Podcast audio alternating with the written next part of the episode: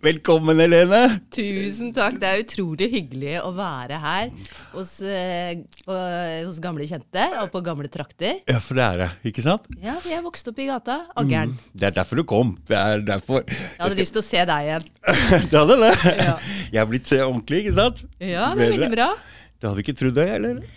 Eh, Jeg syns jo eh, Du var jo storebroren til en eh, altså, Som gikk i klassen din, da. Bjørn, som jeg gikk i klasse med. Mm. Og du var litt skummel. ja, du dreiv ja. jo Mm. med, med rus. Og jeg husker vi hadde det der menighetshuset oppe ved krysset på Abelsø, Mm. hvor det var mange som samla seg. Så det var, du var litt skummel, men allikevel så var du litt eh, trygg og god å ha. Ja. Ja, skjønner du? ja. Vi, vi ja, det er visste at uh, vi var samme familie, vi som bodde i agronomen Så hvis Ja, det var det. var Det var noen som hadde kommet og trua oss, Mm. så hadde dere som var litt eldre enn oss, da hadde dere beskytta oss. Klart vi hadde. Og den tanken den eh, var ikke helt borte, Helene. For, for en fem-seks år siden så ringte du meg, faktisk. Ja, åh, det gjorde jeg. Det gjorde du, ikke sant? Og, Det er litt fælt at jeg ringte deg. Men det var en ekkel opplevelse, ja, det altså. skjønner jeg. Mm. Og det var på sommeren, og så har hun eldste hun har eh, rom eh, i kjelleren. Mm. Så skulle jeg ut og henge opp noe tøy. Mm. Og så kom jeg ut med, med armene fulle av fullada med tøy, og så bare kjenner jeg, føler at det er noen som Ta nærmere mikrofonen. ja, så, så føler jeg at det er noen som sitter og ser på meg, eller at det er noen. Du kjenner det når du Mm, føler at noen er, i, er og stirrer på deg. Ja. Og så snur jeg meg, og så sitter det en kar, jeg kan 50-åra, ja. som jeg så tydelig var påvirka et eller annet, og Mm. virka litt sånn stressa. Og så satt han med en sprinkelkniv eh, i hånda. Hadde kniv i hånda òg, ja. Det var såpass. Mm. Så tenkte jeg at nå må jeg bare holde meg rolig. Mm. Og så tenkte jeg hvorfor er han her? Mm. Så jeg bare spurte hvordan var det Nei, men sitter du her, du? da? Fant du fram til meg? For det er ikke så lett. Fordi han kjente deg, ikke sant? Han sa Helene og sånn. Nei, det, det husker jeg ikke. Nei. Men jeg sa Sitter du her, du? Hvordan fant du fram til meg? For det er kronglete. Mm. Og så husker jeg han sa Ja, det skulle du likt å visste. Å ja! Shit. Det som jeg hadde i huet hele tiden, Mm. det var at jeg må holde meg rolig. Han bør være rolig. Og så visste jeg at han, hvis, hvis jeg hadde fått panikk og løpt inn, så var jeg redd for at han skulle løpe opp i hagen og inn fordi hun mellomste min var uh, Du hadde barna hjemme òg, ikke sant? Jeg krisemaksimerte litt. Jeg gjorde jo sikkert det. Uh, men så vi begynte å snakke sammen eh, om vær og vind. Helt hva vi snakka sammen, det husker jeg ikke. Men så begynte han å snakke om at jeg hadde vært på Ullersmo Mm. i fengselet der Ja. og lagd en episode i Helene sjekker inn. Mm. Og da tenkte jeg Og så var han litt sånn irritert på meg, for det var mye der som eh, jeg viste som Og du skulle bare visst, liksom. Du, du viste ikke sannheten, var, han oh, ja. prøvde å liksom si at det var så mye mer, og så sa jeg men jeg var der bare fem døgn. Mm. Jeg så det jeg Det er liksom Det er mandatet mitt. Å være et sted i fem døgn og få det jeg får. Mm. Men det er sikkert uh, andre ting som skjer i fengselet som ikke jeg fikk med meg. Klart det. klart det. Så Du da- kommer ikke inn i hemmelighetene inn i fengselet ved å være der bare på overflaten i fem døgn. Altså, Nei, du får du ikke får vite de Nei, nei, får vite litt, og så får du ikke vite alt. Mm. Eh, og da, da hissa han seg litt uh, opp, så da, det syns jeg var litt guffent. Og så sa jeg til slutt at du skal jeg følge deg ut. Mm. Eh, så sa han at han ville finne veien ut sjøl. Mm. Da gikk han opp i hagen. Mm. Der er det ikke noe utgang. Nei. Så han måtte over en mur til rekkene på øvre plan. Det gjorde ingenting. Han gikk den veien for det. Han. Han klatra over! Det han ikke visste, var at over der bor en klin hakkende gæren kjerring. Ja. Så hun prøvde å slå ned med kosten. Meg, jeg må le av det nå. Hun prøvde, men han kom seg over, så der ble det basketak. Mm. Og hun fikk et eh, lite, en lite kutt eh, i låret, for da hadde han antageligvis den lille kniven Så sin. det var såpass alvorlig, det Og der. da. Mm. ringte jeg politiet. Mm. Fordi jeg tenkte det er jo greit for uh, politiet å vite hvor jeg bor, og det er så jævlig vanskelig å Ja. finne fram. Og det som er, er at du, du hadde jo hemmelig adresse Eller du har jo hemmelig telefonnummer og sånne ting. Så det var Nei, litt rart. det har jeg ikke. Nei, så det var, rikt, det var lett av han å finne fram. Ja. Men jeg har adressen på Marienlyst, altså på NRK. Ja, ja, Jeg, ikke, jeg, jeg står ikke oppført med adresse. Nei, nei. Men da han holdt jo, Politiet kom og så hvor jeg bodde, og det ble anmeldt og alt Mm. det vasketaket da, og at han hadde vært i hagen min. Mhm. Men så så vi han i området i dagene etterpå. Han var litt sånn Sikkert litt forvirra. Og, Mhm. og så tok hun mellomste bildet av han. Ja. På sykkel. Da var han på sykkel, da, plutselig. Eh, Og da tenkte jeg, da sendte jeg det bildet til deg. Så tenkte jeg, han var i rusmiljøet. Kanskje, Mm, For han hadde kjente prata noe om Robert og greier. Og det var, han hadde prata om noe om avl, så hadde han ikke. Så du fikk plassert den lite grann. Men jeg fant ikke noe ut om det der. Ja.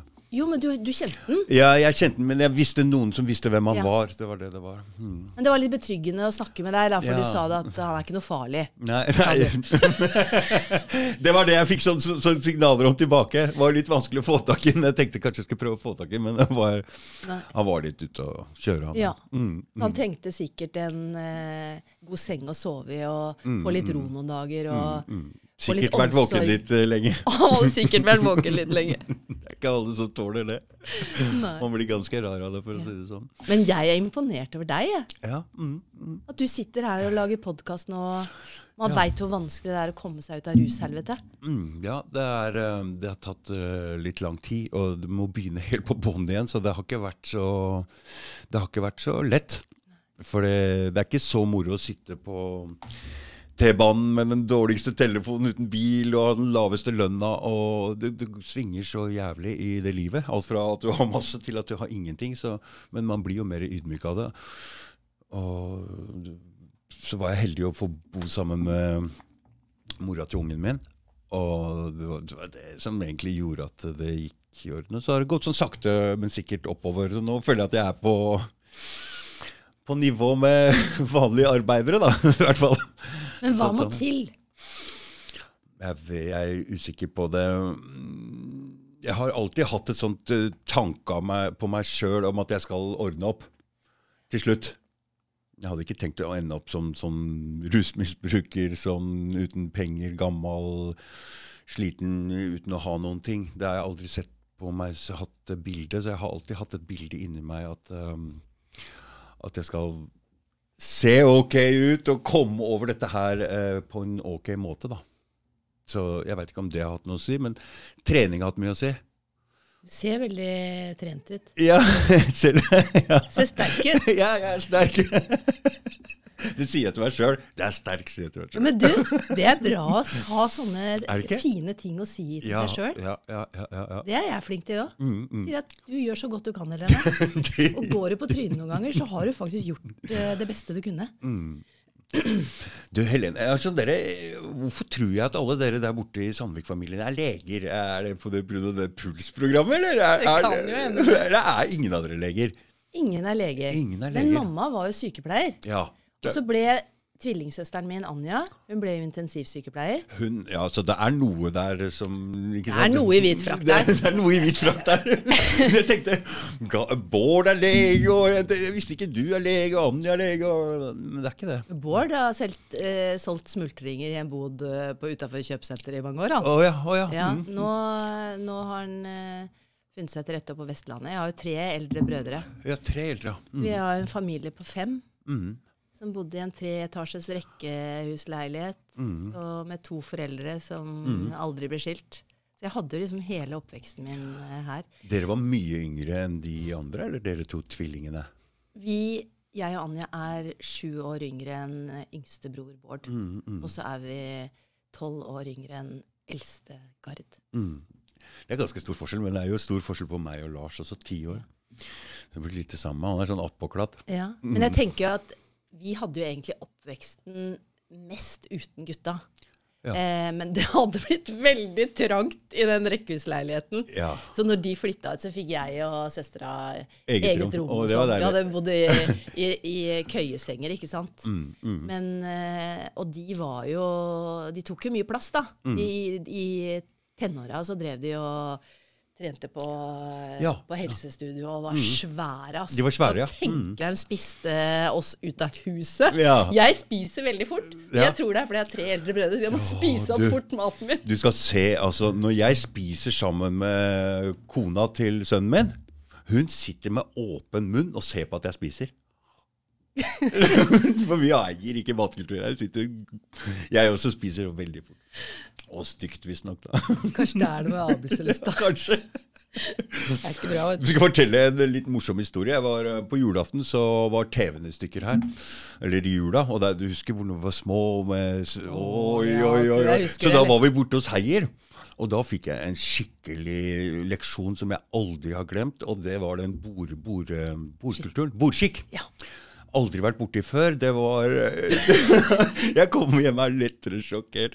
Det var ikke lov å spise med mat i munnen. Det var ikke lov Jo, å snakke med mat i munnen, Nei, drikke, drikke, drikke med mat i munnen. Og, og ikke lov å snakke med mat i munnen.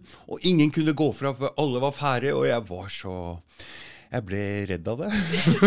Er det ikke rart hva man husker? Jo. Heier, hva jeg husker Heier.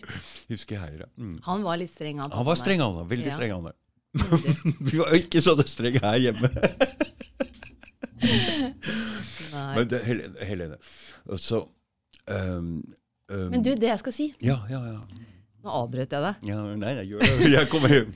Jeg tenker at oppveksten i Aggeren, i gata her, Mm, med de foreldrene, de søsknene jeg har hatt, har forma meg til den jeg er i dag. mm, Pappa var jo journalist. ja. Jobba i Aftenposten og har jobba der i 40 år før han eh, gikk av med pensjon. Mm, Og jeg ble jo eh, journalist. mm, og jeg husker at han, da, jeg var, da var jeg ikke gamle jenta, så jeg fikk eh, min første lille bok som han oppfordra meg å skrive dikt i. ja. Han var veldig til å oppfordre meg til å skrive. Jeg var veldig glad i å skrive. Mm, Og han lærte meg mye om rettferdighet. ja. Han var veldig opptatt av eh, rettferdighet og gi en stemme til de som ikke vanligvis behørte hørt i samfunnet. Mm, og det ser vi jo nå. Ja, men det, ikke sant? det kommer fra noe. Mm, Han jobba mye for uh, miljøvern i starten, men også etter hvert mye menneskerettigheter. ja. Og jeg husker at eh, da var jeg 18 år, han tok meg med til eh, FN, til en eller annen kommisjon der, hvor de snakka om trafficking. Og det var lenge før altså salg av eh, kvinner til sexhandelen. Og det var lenge før vi, norske medier begynte å, å skrive om det. Mm, Så jeg tror at han sådde et uh, frø, da. mm, Eh, og min vuggesang som barn, det var lukten av pappas rullings og klimpring på skrivemaskin. Mm. Det, ga, det, var, det er sånn gode lukter og lyder for meg. Altså. mm, Det var veldig, men jeg hadde en veldig trygg oppvekst. mm, Og det tenker jeg at det der å ha en trygg oppvekst, føle at du er elsket, mm.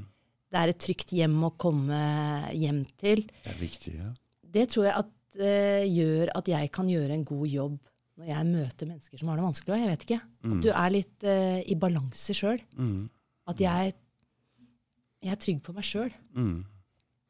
For nå gjør du en veldig viktig jobb, Helene, med å vise og gi disse, alle disse folka et ansikt. De som du er og sjekker inn hos. Er det mange som angrer seg i etterkant når de fordi de står jo fram ganske nakne og såre, mange av disse. Og det er jo ganske tøft gjort, egentlig. Kjempetøft gjort. Ikke sant? Fordi når du er til behandling eller du er på institusjon, så er du du er kledd naken. Så du er på din mest sårbare. Mm. Nei, det er ikke mange som angrer. Det er ikke mange som angrer, Nei. nei. Mm. Og vet du hva det handler om? nei. At du gjør en grundig jobb før du begynner å filme. Før jeg kommer. Ja. Så jeg har jo et team som jeg jobber sammen med. Mm. To journalister som jobber mot hver institusjon. Ja. Og de er der i ukevis Ja. før jeg kommer. Mm. Og da handler det om fortelle hvem vi er, Mm. hva vi skal, og finne ut av hvem er det som er sterke nok til å tåle sin historie eksponert. tåle. Mm. Hvordan tåler familien det? Ja. Er det mennesker der som altså De snakker jo ofte med sin familie. De kan være eh, kine på å stå fram med f.eks. en datter eller sønn Ja. eller en kone som sier vet du hva, jeg orker ikke. Det har vært Nei. så mye med deg opp igjennom at jeg orker ikke at du skal på TV. og Nei, alle disse for det er en belastning, men det er en fin greie også. Det, det, det, Ja, men du må ha riktig motivasjon. ja, ja. Du, må ha Mm, du må ha en motivasjon som, på, som er litt større enn deg sjæl. ja. Og det er kanskje å fortelle noe om hvordan er det å ha en spiseforstyrrelse. Hvordan er det å være i behandling. Det er, dette, det er jo behandling som skjer innenfor lukkede dører som vi andre ikke vet noe om. Det er ofte beinhardt. ja, klart det er det. Hvordan er det å sitte i, i fengsel og bli berøvet uh, friheten din? Eh, ja, det er så mye som vi ikke vet, da. Men som allikevel det er institusjoner og det er mennesker som lever side om side med oss i samfunnet. Hvordan kom du egentlig det, Hvordan kom den Helene sjekker inn, inn i bildet fra puls og, og, og det hoppet, det spranget der? Var det din idé? Hva slags idé? Det var ikke, jeg skal ikke ta æra for den, men eh, jeg lagde en reportasje på faren min. Det var det som skjedde, ikke sant? Og da hva viser man Da slipper man folk virkelig inn Ja. og får se Det er så fint at Men vi må fortelle gjør- hva det er, ja, da. Fortell, Fordi fortell. Ja. han fikk jo eh, demens, denne sterke mannen med det klare ho hodet og verdensmester i ord. Han holdt de beste talene. Så fikk han demens Mhm. Ja. og havna på sjukehjem og visna helt. Altså, han sa til meg og tvillingsøstera mi et par uker etter han havna på sjukehjem mm. Nå har jeg mista imaget mitt. og jeg skjønner det så innmari. Det er mm. ingen som trengte den lenger. Du, han ble liggende i en seng, og det gikk bare bratt utforbakke. Og vet du hva, det smerta meg så fælt. Jeg kjente meg så avmektig. Mm. Så mot slutten han, han var på sykehus i tre år før han døde. Mm. Og jeg var så mye fortvila. Og så drev vi, en, eh, jeg og en eh, journalistkollega, og researcha litt på hva musikk gjør for mennesker med demens. Mm. Og så var det en sykepleier som heter Gina Nordby. Sykepleier og musiker. Helt fantastisk dame. Altså. Mm. Som var ute på et sykehjem i Nittedal. Og hun vekka jo disse eldre fra de døde, omtrent. Ja, med musikk, ja. Med, ja, med, og med tilstedeværelse. For det handler ikke bare om musikken, Nei. men tilstedeværelsen hennes. Og så tenkte jeg, hva om jeg tar med Gina opp til pappa, og så synger hun en Roger Whittaker-låt. Han elska Roger Whittaker. Mm. Og så måtte jeg gå en kjemperunde med familien min, da. ja. For du ville ha med kamera også? Ville ha med kamera. Mm. Og de søsknene mine sa i starten at Helene, fy faen, nå må du slappe av. Ja. Skal vi vise pappa på sin mest sårbare, uten tenner, sjaber, Aftenposten-journalisten? Hva tror du kollegaene kommer til å si? Mm. Og jeg skjønner hvordan de møtte meg, men allikevel så var tanken min å vise mennesket bak, da. Hva skjer når vi bringer inn musikken som han elska? Mm. Så gikk de med på det til slutt. Mm. Og eh, hun Gina Nordby hadde, hun hadde vel eh, slått eh, to eh, toner på det lille pianoet sitt. Så våkna han, eller? Det var et eller annet Han bare Det skjedde noe i blikket hans. I, ja, han våkna litt, og han gråt, og språket kom. Oh. Eh, ja, det var helt magisk. Og det Vi lagde jo en, en, en liten video som vi la ut på sosiale medier, og det tok jo helt av. Ikke sant? Det var ekte. Ekte, ja. Eh, det var ekte, og han sto fram eh, som det fine mennesket han eh, var. Mm. Og da det ligger noe i det ekte møtet med mennesker, usminka altså, På det, på det sår, mest Ja. sårbare på det mm, det Så når så vi skulle finne på noe nytt, som alltid er litt skummelt ikke sant? Det er jo, Mm, Ja. Puls hadde vært en, eh, en seersuksess. Mm. Så var det veldig skummelt, men det måtte være noe med mennesker møte, menneskemøter. Mm. Og da, Vi jobba jo lenge og hadde nerver, og det er alltid veldig Det er veldig det er veldig tungt med sånne utviklingsperioder. Men Mm. så var det en veldig smart eh, dame i nettredaksjonen som sa du, hva om eh, Helene bare eller flytter inn på institusjoner og bor der i sju, sju dager? Mm. Bling! Der hadde vi Ja. Mm. formatet, eller der hadde vi noe å jobbe ut fra. da. Mm. Og så ble det Helene sjekker inn. Mm. Navnet er mitt, da. Det kom jeg på.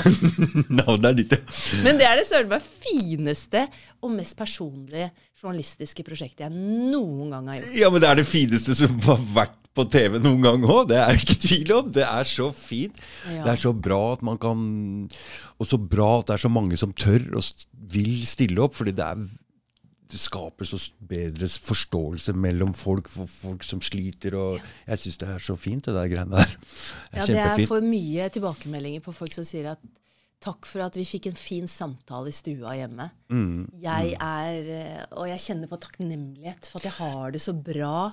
Mm. Eh, eh, jeg, føler, jeg har medfølelse med de du møter. Så Mm. jeg tror at tenker på verden i dag, eh, Dag Thomas. Mm. Som er Jeg syns det er så mye splittelse, så mye Ja, det det. harde ord. Veldig nå. Så mye sånn Fienden. Når vi, når vi skal snakke om fienden, så bruker vi store bokstaver. Ja. Det er så mye som liksom skiller oss ad. Å få en serie og lage programmer som kan bygge bro, Mm. Og gjøre det vi frykter, litt mindre skummelt. Mm. Jeg ser spesielt nå de siste to månedene det muslimhatet som har dukka opp. Det, altså jeg har jo vært mot innvandring hele tida, jeg, men, men akkurat dette her er jeg helt imot. Jeg liker det ikke i det hele tatt. så Det ser det blir bare hardere og hardere ord nå. Og det skjer jo på, litt pga. koronagreiene også. for folk får det litt verre, og det Ja. ropes mer, og det er sterke konflikter nå. De trigger frykten i oss, og Ja. frykt er en veldig sunn følelse.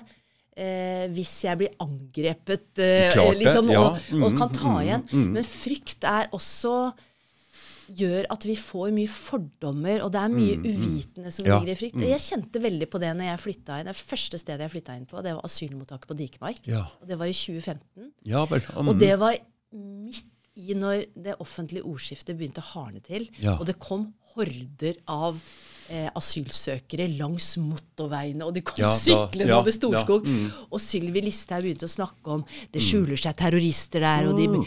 Ikke sant? Du merket at frykten var stor da det var branner på asylmottak i Sverige. Ja. Og da kjente jeg, fy fader, jeg lot meg drive med av frykten. Mm. Jeg var redd for å flytte inn på asylmottaket og møte en traumatisert, eh, psykotisk Mm. asylsøker. Jeg var redd for brann. Og så kom jeg dit, og så Så er folk er folk, ikke sant? Folk er folk. Folk er folk! Og folk i Mm. desperasjon. Og jeg tenker med meg sjøl, hvis jeg hadde hatt det så jævlig som mange av de har det, så hadde jeg mennesker med litt omløp. Vi vil jo prøve å søke oss til noe som er Klart. bedre. Det ligger i Ja beskytte Mm. barna våre, gi de en sikker framtid. Selvfølgelig. Men selvfølgelig, vi kan ikke ta imot alle. Det går nei, jo ikke. Nei, det går ikke. Nei, det går ikke. Så det, vi må finne en balanse der. Men Ja. nei, jeg, jeg, jeg synes spesielt i de siste Det er noen grupper på Facebook som jeg bare måtte rett og slett melde meg vekk fra. Jeg orker ikke å sitte og diskutere veldig heller, så jeg har ikke så tålmodighet til å sitte sånn og argumentere for eller eh, tilbake.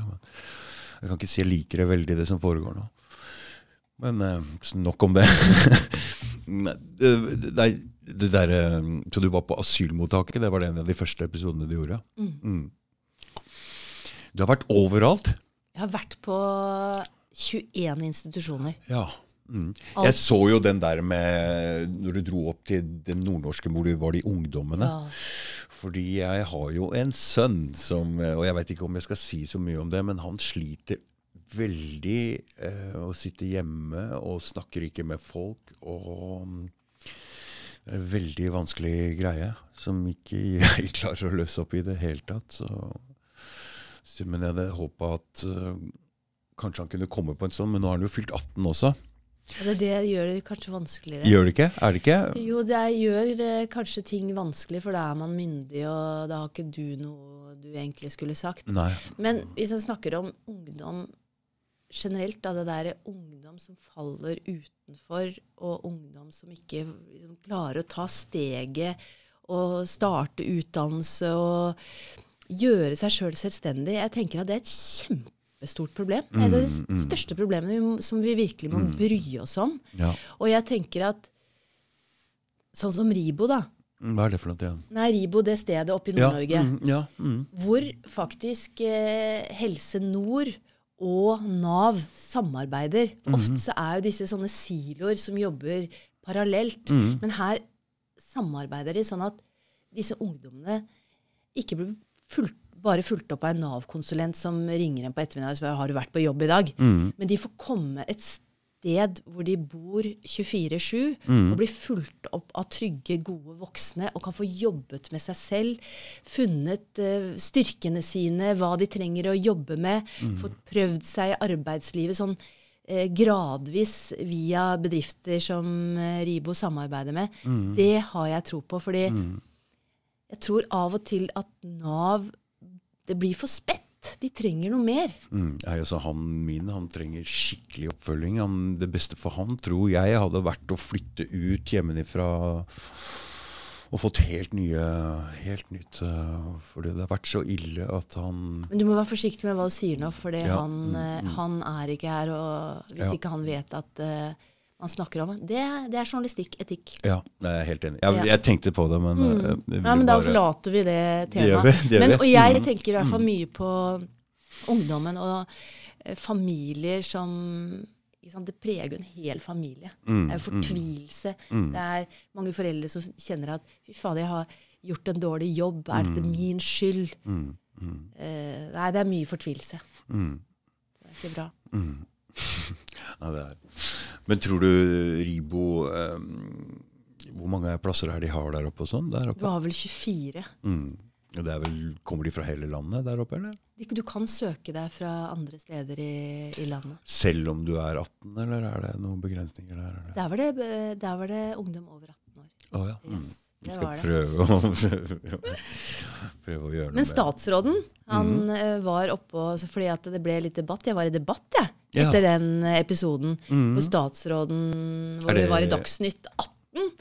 Fordi jeg mener eh, Ribo, da, dette stedet for ungdom som har falt utenfor, de eh, har forsket De er forsker eh, som har fulgt det i eh, mange, mange år. Mm. Og de kan vise til kjempegode resultater. Jeg tenker når man, når man har et tilbud til ungdom som funker, og man kan vise til forskning i ti år, mm. hvorfor er det ikke flere som tar i bruk dette verktøyet og bruker samme type modell? da? Er det bare de, eller? Som Det gjør er bare de der Ja. oppe som har klart å få til noe helt unikt. Mm. Mm. Veldig, veldig flinke folk. Mm. Og veldig ofte så er det ungdom som har, de har kanskje diagnoser. ikke sant? Sånn at det at Nav og helse samarbeider, gjør at en, en ungdom med sosial angst da, kan få hjelp av spesialisthelsetjenesten mens de er der. Mm. Jeg veit jo det sjøl, og jo mer isolert du er, jo mer eh, angst får du. Ja. Så mm, jeg har jo sittet på brev- og besøksforbud sjøl, og når jeg slapp ut derfra, så skulle jeg være på biljardrommet sammen med fem andre personer. Og så røyka vi hasj der inne, og jeg måtte bare gå inn igjen. Jeg klarte ikke å være der. Det var altfor mye. Det er, så, så det er klart at det der er en selvforsterkende ting. Jo mer isolert du sitter, jo verre blir dette her. Og det bare, blir bare verre og verre. Og det er vanskelig å bryte ut av det også, ikke sant. Og, så, Det kan jo være traume man tar med seg resten av livet, det der å sitte Klart ja. isolert. Mm, mm. Eh, hvis man tåler det dårlig. Vi er jo forskjellige som mennesker. Ja, det er vi. Mm. Men jeg tenker kanskje vi nordmenn tåler det litt bedre enn andre folk. For jeg har sett andre folk som har blitt helt knekt av det. Som har sittet isolert i 10-12 måneder, altså. Og det er liksom tøffe folk, men det, det der er eh, ganske Det blir jo brukt veldig mye i varetektssituasjonen for å tvinge fram en tilståelse hos folk, dette her før, vet du. Det er, eh, den, det er tatt bort. De får ikke lov til det lenger. Det er jo litt som tortur, da. Altså, Det er litt tortur, At du tar dråpen på panna, Mm, iskaldt vann, og så Mm, mm. Nå må du si det! Ja, nå orker jeg ikke mer. Nå sier jeg et eller annet. Ja, og, og ikke bare det, men du kan snakke deg på andre folk ikke sant, for å slippe ut. Hvis du setter narkoman i en sånn. Så den isoleringa, den fins ikke lenger nå. Brev- og besøksforbud betyr rett og slett bare brev- og besøksforbud, ikke isolat. Så det er vel egentlig en bra ting. Så, fordi Norge var veldig, brukte veldig mye det. Men jeg tenker også nordmenn er jo vant til å sitte litt isolert, mens utlendinger er litt mer sosiale. De sitter ute på kafé og skravler. Jeg tror de faktisk har behov for litt mer Ja, men på grunn av Men vinteren isolert og isolert. Vi har jo fa familien vår. Ja, ja, ja, Det kan ikke sammenlignes, da. Nei da, nei da, det kan ikke sammenlignes, men, men Med å sitte isolert uh, i et fengsel. mm, Så eh, jeg så en dokumentar eh, fra, fra kjelleren på Ila, hvor de sykeste fangene sitter. mm, Og der tror jeg rett og slett at eh, fengselsdirektøren anmeldte seg sjøl. Altså, de kjente Ja. at det er helt forferdelig, det vi gjør. Mm. Det er ikke noe annet tilbud. De er, for, de er for farlige til å være på en vanlig psykiatrisk institusjon. Da. mm, Men de er for syke til å være i fengsel mm. og sitte isolert. Det var helt, Jeg så ikke I den dokumentaren så var alle anonymisert. Mm. Men jeg bare kjente det i hjertet og hele kroppen Mm. for det. Selv om jeg aldri fikk møte noen. Det var bare Var du der oppe, eller? Nei. Nei. Jeg skulle gjerne vært og lagd den, den, den kjelleren på Ila, den tror jeg er den verste av alle. Ja. Altså. For det der sitter de psykisk syke fangene, og de sitter mye isolert. Og det er de verste, eller de verste tilfellene som blir tatt opp dit. Da. Hvor frisk blir man av det? Det blir jo bare verre og verre. Vet. du. Det er jo Men ikke sant, da blir det hula, da. Det er bare en trygghet å bare Mm. eksistere inni den hula. Mm, mm. Og etter et par år med sånn, det er, hvordan skal du komme ut igjen? Det er ikke Det er veldig, veldig spesielt. Så Helene Nå kommer det noe alvorsord. Nei da. Nei, det gjør ikke det. Nei, det gjør det ikke. Nei, jeg synes det Hvor mange sesonger har du holdt på med den der Helene sjekker inn? da? Fem. Og du har vært på 21 institusjoner? Er det, og nå så jeg det siste, for nå får dere ikke lov å dra på institusjoner sånn, så nå drar dere hjem og besøker um, Jeg var sånn Vi bestemte oss egentlig for at uh, alt har sin tid. Ja. Vi har hatt fem veldig gode sesonger. Mm, Fått uh, seere som elsker Helene Skjenkerin. mm, Nå skal vi gjøre noe annet. ja. Eh, og så kom jo koronaen, og egentlig så hadde jeg eh, laget en idé på at jeg hadde lyst til å lage en podkast hvor jeg møtte igjen noen av de jeg hadde truffet i Helene Skjenkerin. Mm, Men så ville Pga. korona så ble det TV isteden. ja. Eh, fordi man trengte produksjoner til eh, TV. Ja. Så da lagde vi fire episoder av Helene møter igjen. Og da Ja. møtte jeg Mikael fra. Sunnaas og Mm, mm. Sandra som er død, da. Er død, ja. Ja, hun som jeg møtte på hospits eh, ved Bislett. Det tror jeg er det Er det en sånn spisevegring-greie? Nei, hospits, det er Ja, på hospits, ja. Ja. Mm, å, ja. Mm, hvor eh, de rusavhengige bor. ja. Mm. Og Det er ikke mye håp når du blir putta dit. Å, eh, fy fader! Hæ? Du, vet du hva? Nei. Det, den episode, eller det programmet, det, eller det stedet, Mm, er det som har røska mest i meg, tror jeg. ja. Mm. Det var så sterke sanseinntrykk. Lukt, lyd, menneskelig forfall. Mm.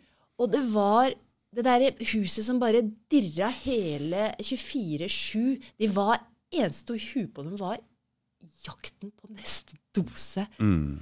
Og så putte alle disse folka sammen? er jo Det er jo Det går jo Det er jo bare neste sprøyta. Ja, ja, ja. ja, ja. Og der kjente jeg at uh, Man vet jo at uh, rus og psykiatri går hånd i hånd. Mm. Og der uh, kikka jeg meg litt over skulderen eh, når jeg traff folk i gangene som jeg ikke ja, for der var det ikke noe kontroll heller, ikke sant? Jo da, det var jo kontroll, det var jo kameraovervåkning, og vi gikk med alarm. Ja. Men, men allikevel, ting kan jo skje veldig fort, da. Mm. Og i starten så bodde jeg på et kontor bak resepsjonen som man kunne låse, og det var skuddsikre glass. Og følte meg litt feig. Og var liksom sjekka vinduet på natta. Jeg sa til en ansatt der Du, er du sikker på at, eh, at det er trygt at vinduet står oppe? Da sto det så mye på gløtt! Altså, Faen, hva er det du er redd, da? Mus skal komme inn eller et eller annet. Da måtte jeg jo le litt, da. Men der hadde jeg Ikea-klappsenga mi i to dager. Så du bodde ikke på eget rom? Du Å jo, jo, hør nå! Og Ok. på dag tre Ja. så tok Helene klappsenga og skulle forflytte meg opp der hvor eh, beboerne bodde, da. Da var du tøff nok, da? Da hadde jeg liksom da hadde jeg blitt litt kjent, da. Ja, ja, ja, kjent, Blitt kjent med noen av de. Jeg hadde litt nerver, altså. Ja. Jeg, så fikk jeg Det var ikke ledig rom, så jeg fikk eh, liksom PC-rommet og der hvor de ansatte går og leverer Altså hvor de har brukerutstyr da, på, og leverer ut på dagen. Ja. Jeg følte jeg hadde, hadde to prins eh, ut fra nesa når jeg våkna. Jeg var så jævlig røykløs. Det var det.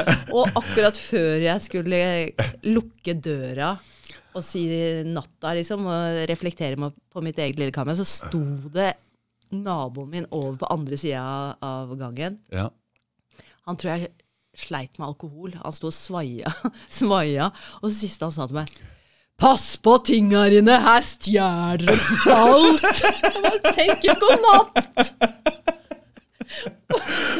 og så var det en som heter Ståle, som bodde på rommet ved siden av. Han var en sånn lugn, fin eh, fyr som hadde havna ute på ganske seint i livet. Jeg syns det var litt trygt å vite at Ståle bodde på rommet ved siden av. Så jeg tenkte, la, lagde meg en sånn egen fluktplan. At Er det et eller annet som skjer, skal jeg faen meg banke på til Ståle. Til Ståle. Ja, ja, ja. Og han. Da skulle Ståle passe på meg. Mm, mm.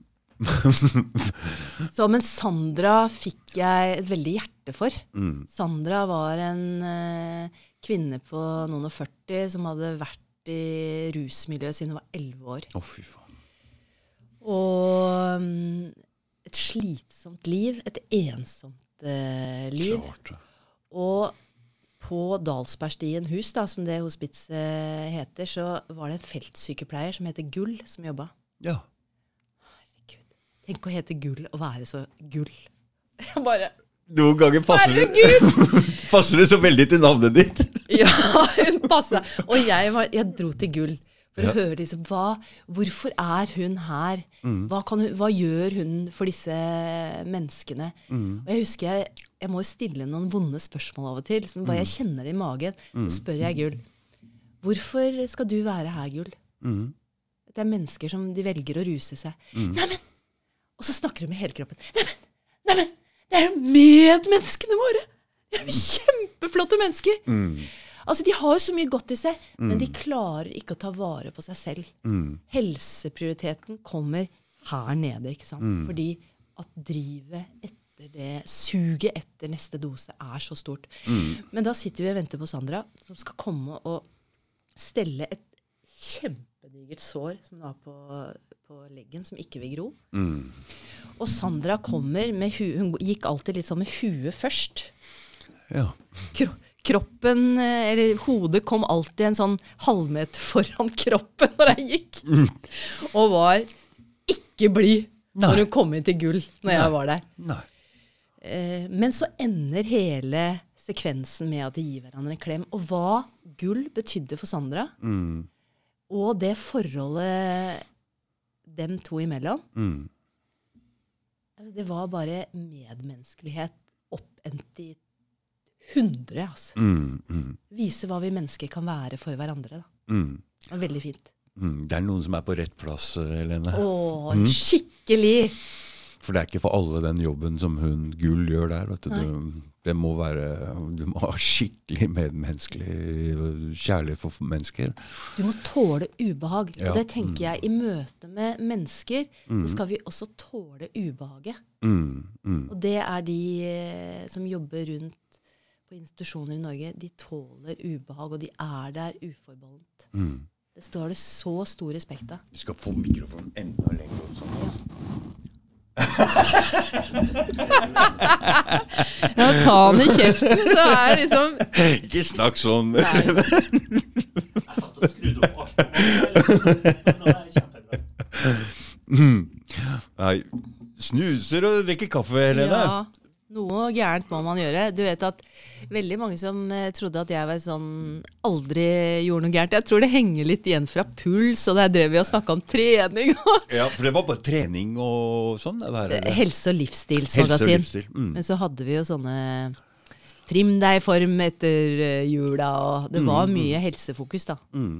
Men eh, et eh, vi mennesker er sammensatt. Vi gjør ikke bare gode ting, vi gjør litt av hvert, og sånn blir vi hele mennesker. Er det ikke sånn, da? Jo, jo, jo, det er helt sikkert. Men jeg er grei med andre, da. Ja. Det tenker jeg er det viktigste. Å ha respekt for andre. Du var så søt når du du var liten Helene. Var jeg? Ja, jeg var litt av bulle. Nei, jeg var litt, helt i, i sånn Når jeg var i barneskolen, så var jeg litt sånn uh, trulte. Var det? Ja. Å ja. Jeg husker Jeg ikke det. det. husker jeg hadde litt sånn kompleks. Jeg syntes jeg var tjukk. Å ja. Jeg har alltid tenkt på dere som de to pene tvillingene der borte. skjønner du? Å, det var hyggelig, da. Ja. Jeg hadde jo eh, liksom eh, Barndomskjæresten min var jo broren din, da. Var han? Ja, ja. Du var kjæreste med han, ja? Ja. ja det kunne jeg Flere omganger. Å, ja. Og vi hang jo sammen i samme oh, gjeng. ja. Det var jo på den tiden hvor barn var ute og lekte tju og purk. og. Nå sitter unger bare inne med Ja, telefonen. bare inne. Bare inne. Jeg syns det er så trist, Ja, Ja, det er veldig. Det er jo, det er jo Da er vi inne på han sønnen min og sånn igjen. For det, det, er jo der det begynner, ikke sant. Sitter bare inne på den dataen og den telefonen hele tida. Det er livet. Ja. Det er ikke bra. Nei, det er ikke bra i det hele tatt.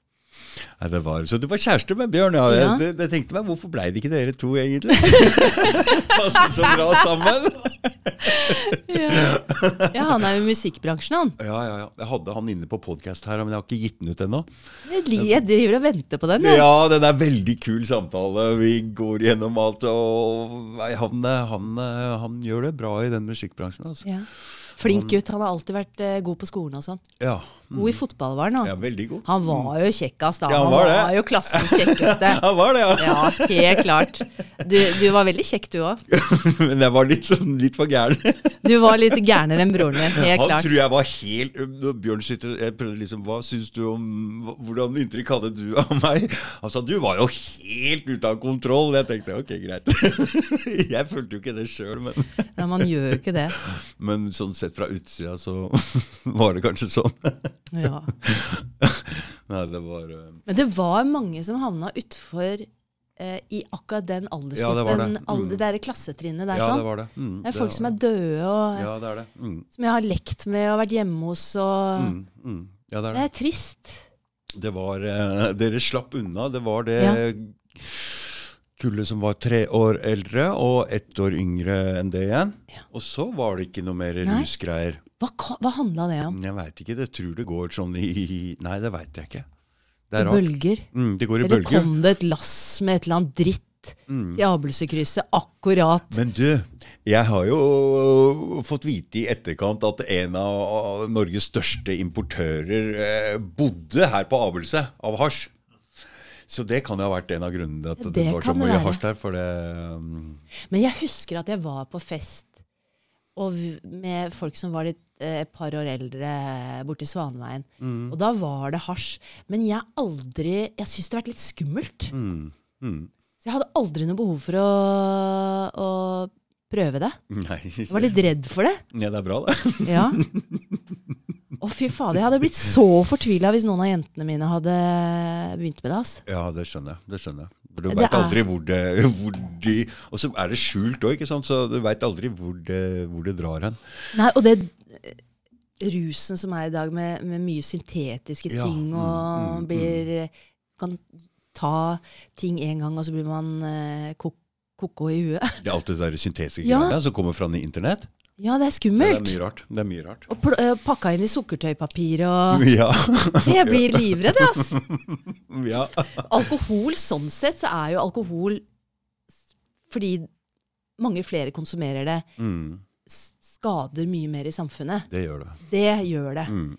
Eh, men heller en fyllekule, ass. Mm. Men Hvis jeg man liker ikke, liker ikke alkohol. Ass. Nei, vet du hva? Gjør du ikke? Nei, ikke liker jeg det smaken, ikke liker jeg rusen. Og så tror jeg jeg har fått nok av det med Ja. pappa her hjemme.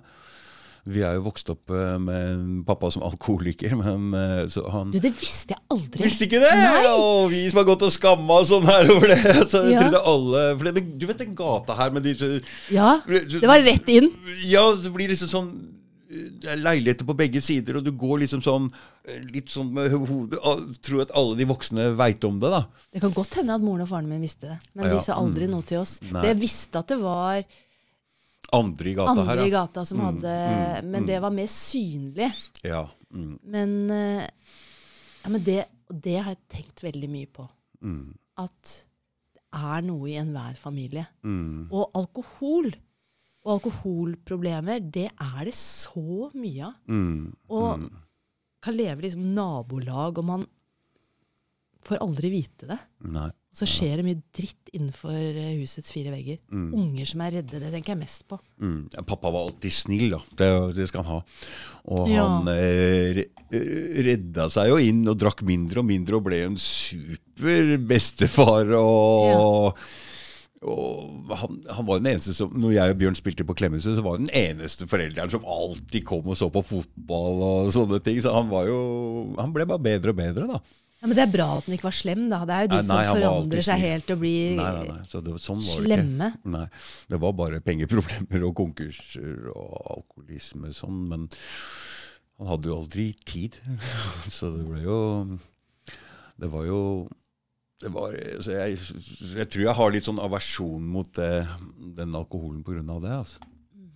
Men Du har jo rusa deg på andre ting, da. Ja, Vet ikke om det er noe bedre. Nei, men nå er uh, amfetamin Ja, jeg vet ikke hva jeg skal si. Det er, kan være Man blir jo Mm, Det er jo et konsentrasjonsstoff, for det første. Men uh, grensen fra at du tar litt til at du tar mye, og ja, det blir Du detter utpå av det. Det er helt sikkert. Men man blir jo ikke på en måte rusa av det, men man blir jo, kan jo bli gæren av det.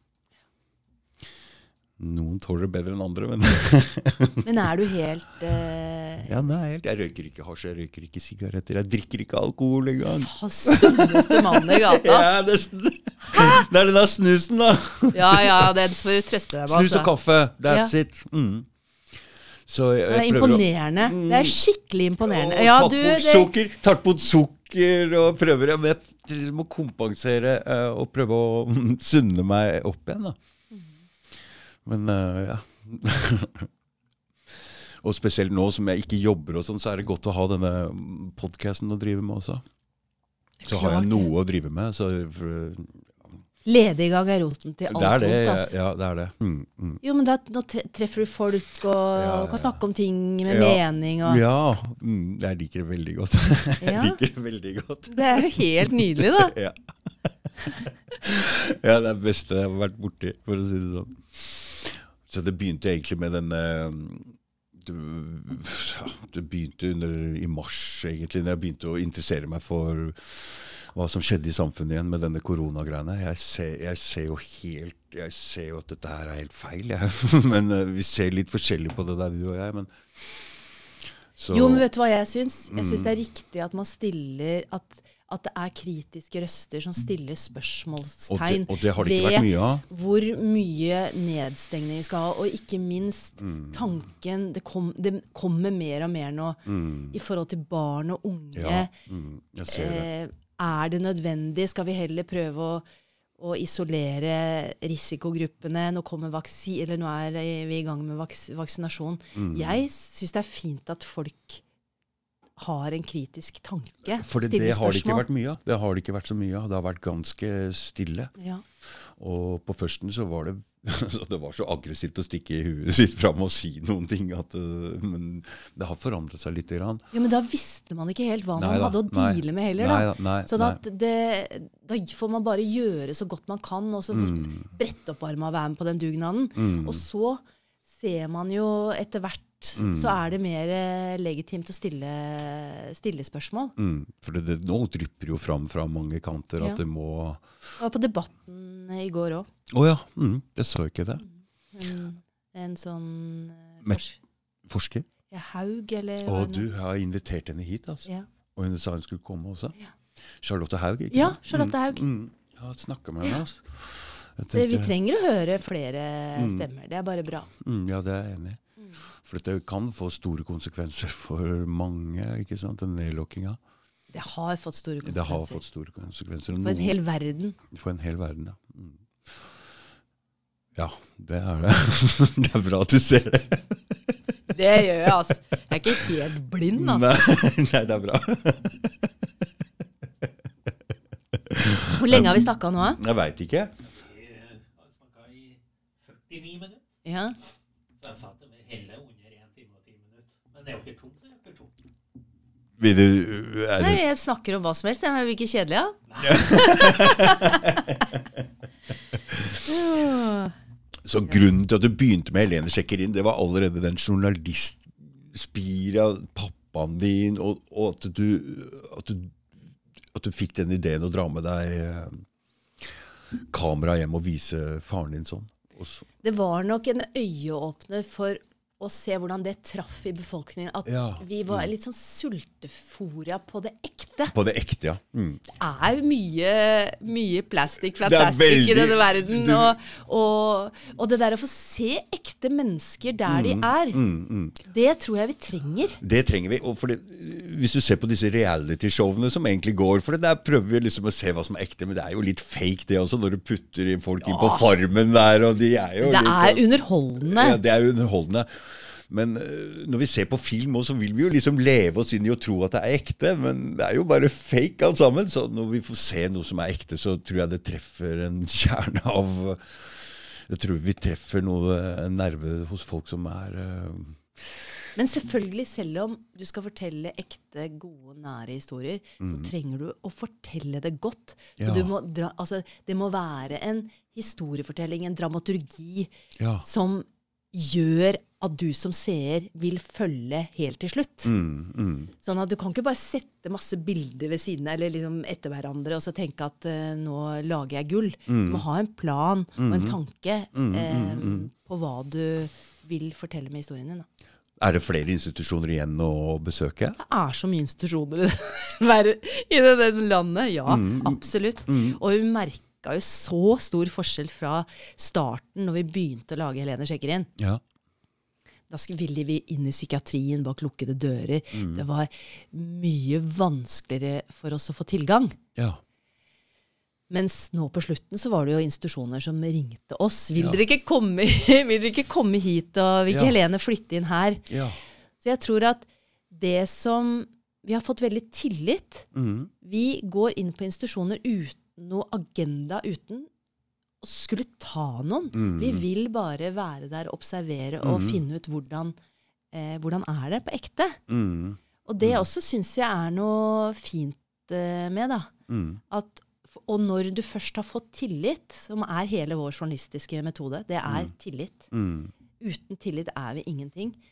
Eh, når du har fått tillit, så kan du også stille de vanskelige spørsmålene. Mm. Og jeg tror at folk, hvis de, er, eh, hvis de er trygge, så tør de å sette ord på det som ikke er så bra ved et sted òg. Mm. Men ingenting er bare dårlig. Eller bare bra. Mm. Så heldig du er, og så, så perfekt i rollen du er også, Helene. Og For en, for en Altså, det du driver med, og den rollen du har fått så, så unikt og så spesielt og så bra. Ja, pappa hadde vært stolt av oss. Pappa hadde vært stolt Åh, av deg, ja. fy fader. Mm. Det er godt hadde- å tenke. Ja. Jeg tenker litt det sjøl, at pappa hadde endelig sett at jeg hadde fått til noe med denne podkasten her. Så hadde han endelig Synd at han ikke får se det, men Kanskje han sitter der oppe og følger med. kanskje. Du sitter jo, som jeg sagt, det er jo soverom Jeg har blitt lagd på dette rommet. Sånn som, Det er så bra! og nå sitter du her og lager Ja, ja, podcast. ja, ja. Tenk deg de har vært mye fortvila over deg, ja. Oh my God. Bekymret Åh, seg, og hvor er nå? Åh, vi har hatt mye problemer. Oh my God. Men pappa har vært så kul og snill. Når pappa døde, så Jeg skjønte med en gang han var min beste venn. ja. Han har alltid stilt opp, aldri sagt nei. Han har stått i retten og ljuget for meg. Han har Nei, han er rå, altså. Han er eh, Så de har ikke slått hånda av deg? Aldri. Aldri. De har aldri, altså. For det lurer jeg på. Jeg, jeg skjønner foreldre som bare får nok og bare sånn Vet du hva? Når du er rusa, du kan ikke komme hit altså Litt sånn tøff, tøff love. Mm, mm. Som en del sånn behandlingsinstitusjoner snakker Ja, om. At nei, ja. du kan Du bare nører opp under et misbruk hvis du gir penger og gir dem en seng å sove i. Mm. Men jeg så, jeg ble veldig rørt når jeg var på det hospitset og så disse svære kara som sto i telefon med mamma og ringte hjem, og at det var en connection. da, Det var ikke, det var ikke kappa hånda. For Nei, det er viktig. Det er viktig. Har, den selvtilliten som jeg har klart å komme meg ut av dette med, den har jeg fått av pappa. Når jeg, for når jeg tenker på hva slags energi Hvis man bare blokker ut og tenker 'hvem er pappa', så tenker jeg ok, han har alltid trodd på meg. Han har alltid gitt meg tillit, helt fra jeg var liten. Og Bjørn tror at han gjorde feil med å ikke gå og hente meg i skolegården der når vi satt og røyka. Men hvordan hadde Tror du det hadde hjulpet? Det hadde bare blitt mer skjult, ikke sant? Og jeg tror faktisk ikke det hadde hjulpet en dritt. Eh, Så jeg ser jo på nå Jeg har jo fått en helt annen forståelse av eh, For før så tenkte jeg alltid Pappa, hva faen er det du driver med? Har du ikke, hvorfor har du ikke stoppa dette her? Men det snudde plutselig. Jeg fikk en så jævlig kjærlighet over den tilliten han har gitt meg, og alltid trodd på meg, og aldri så, så jeg plutselig tenkte takk for at du har gitt meg den tilliten. Takk for at du har trodd på meg hele tida. Fordi jeg har klart det. Ikke sant? Eh, Så jeg snudde helt om på det. Jeg tenkte først pappa, hvorfor har du ikke stoppa dette her? Men da var liksom tanken fordi jeg har ikke klart meg i livet. Men nå jeg føler at jeg har klart å komme ut med et bra menneskes altså man, Når man har vært nede på bånn, så er man ikke veldig Man får bedre Man dømmer ikke veldig lett andre. og så jeg er egentlig glad for, for Jeg angrer ikke på noen ting heller. Men jeg ser nå Jeg, jeg, jeg er mer glad i faren min nå enn noen gang. Så, så. Det er bra å høre.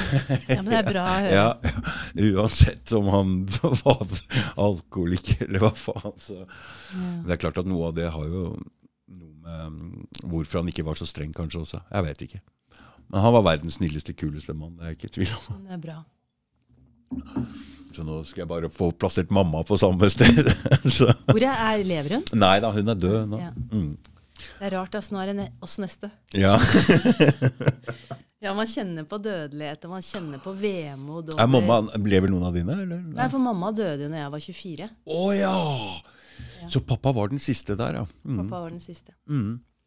Eh, Så vi, jeg følte at jeg mista henne altfor tidlig. Altfor tidlig, klart det. Mm. Og hennes eh, største frykt var jo Hun fikk jo kreft i brystet først, og så gikk det noen år. Så egentlig hele tenåra så vokste vi opp med en syk eh, mamma. Ja. Mm. Så kom det tilbake en helt annen type kreft eh, etter ti år. Som hadde ligget og luska i tarmen hennes. Mm. Og som spredde seg da til hele kroppen.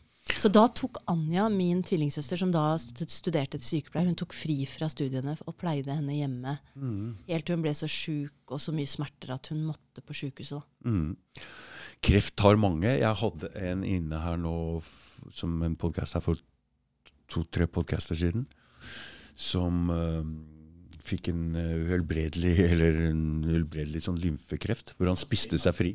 Spiste seg fri fra det. Så det går an å gjøre. Ja.